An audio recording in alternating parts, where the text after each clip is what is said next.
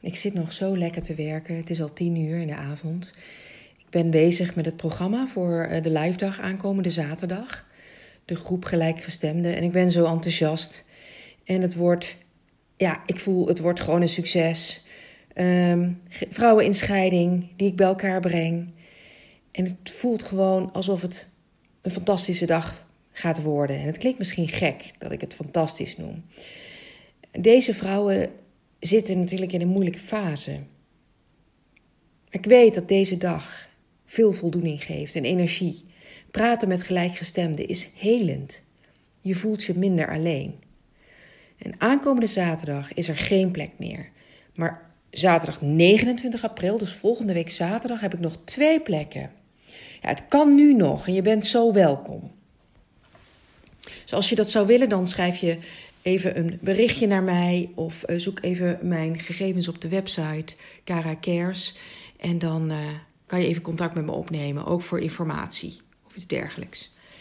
En in deze podcast wil ik het eigenlijk gaan hebben over de overlevingsstand. Doorgaan terwijl je uitgeput bent. Signalen dat je lichaam in overlevingsstand staat. En waarom je dan toch doorgaat. En hoe slecht is dit eigenlijk voor je? De overlevingsstand is een toestand waarin je terechtkomt als je hevige stress, een hevige stresssituatie ervaart. Waarbij er geen tijd en ruimte is voor rust. En ik noem deze fase, dus de overlevingsfase, um, bij een, in een scheidingssituatie, dus vanaf het moment dat de definitieve beslissing is genomen en je dus alles gaat regelen, in een regelstand terechtkomt, um, tot het moment dat je weer ruimte krijgt voor je emoties. De fase dat je denkt, en nu wil ik wel weer verder met, je met mijn leven, um, want alles is eigenlijk geregeld. De overlevingsstand, ook wel regelstand genoemd, dat ik net ook al zei, is een stressstand. Waarin je veel chaos ervaart, verdoving, gedachten die alle kanten uit schieten, hevige emoties. Uh, je bent uh, allerlei praktische zaken aan het regelen. De meeste mensen zijn het formele deel aan het afronden bij de mediator of de advocaat.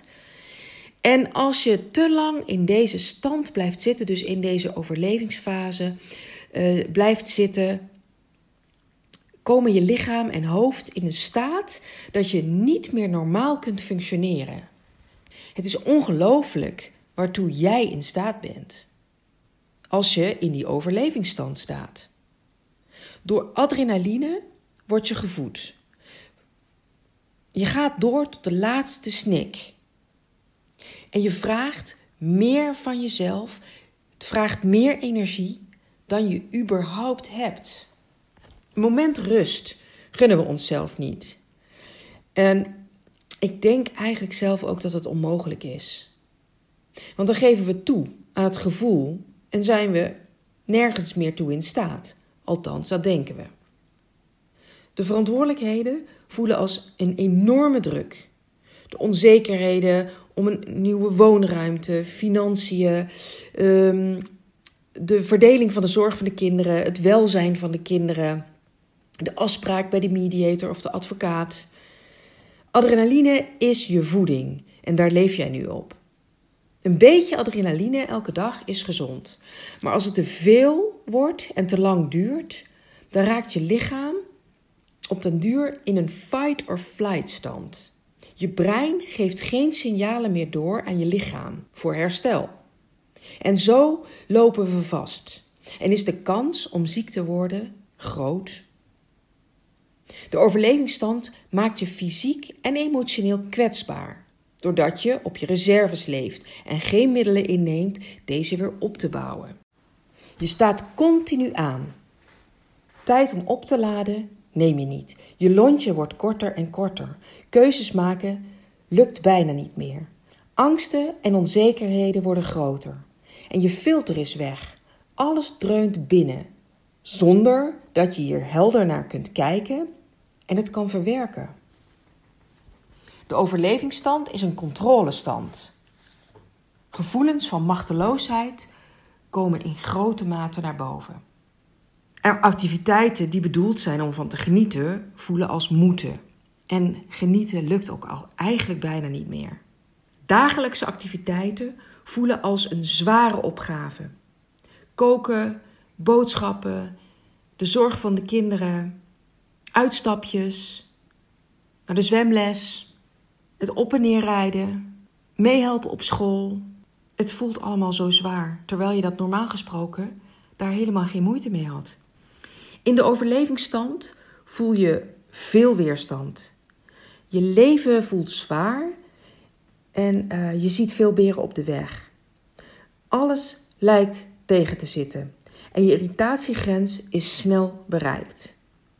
Negatieve gedachten en uh, je kan enorm opzien tegen alles, zelfs tegen de kleinste dingen. Je ervaart chaos in je hoofd, prioriteiten stellen lukt niet meer, alles is urgent. Hierdoor raak je verdoofd en blijft uiteindelijk het meeste liggen. In de overlevingsstand giert er een hoge dosis stress door je lijf, zoals adrenaline, cortisol, noradrenaline. Door deze hormonen kan je actief blijven en ze weerhouden je van rust en ontspanning. En vaak slaap je slecht. En als dit te lang aanhoudt, kan dit leiden tot gezondheidsproblemen, mentaal en fysiek. Als je je bewust bent van de fase waar je nu in zit en je trekt nog even door totdat je de grote lijnen hebt geregeld, dus wonen, werk, financieel, de mediator, ouderschapsplan.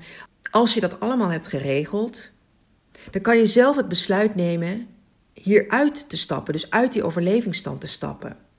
Dan is er vaak niet heel veel schade aangericht. Maar wat als alles geregeld is en je geen uitvluchten meer hebt en jij oog in oog komt te staan met jezelf, je emoties, het verwerkingsproces, de feiten, het verlies, het gemis en de wetenschap dat je nu dus alleen verder moet. Het nu dus tijd is je leven op te gaan bouwen. En hier lopen velen vast. Hoe nu verder? Waar te beginnen? Word ik ooit nog gelukkig? Zal ik ooit nog een nieuwe relatie krijgen? Ja, wil je snel uit die overlevingsstand komen, dan is het belangrijk dat je het gaat herkennen. Dus mijn vraag is eigenlijk: herken jij de signalen? Herken jij het bij jezelf? Verdenk jij jezelf dat je vastzit in die overlevingsstand en weet je niet hoe hieruit te komen? Ik wil het graag met je bekijken. Dus mocht je dat willen, zou je het eens een keer uh, tegen het licht willen houden, neem vrijblijvend contact met me op. Uh, dan kunnen we samen bezien waar jij nu staat.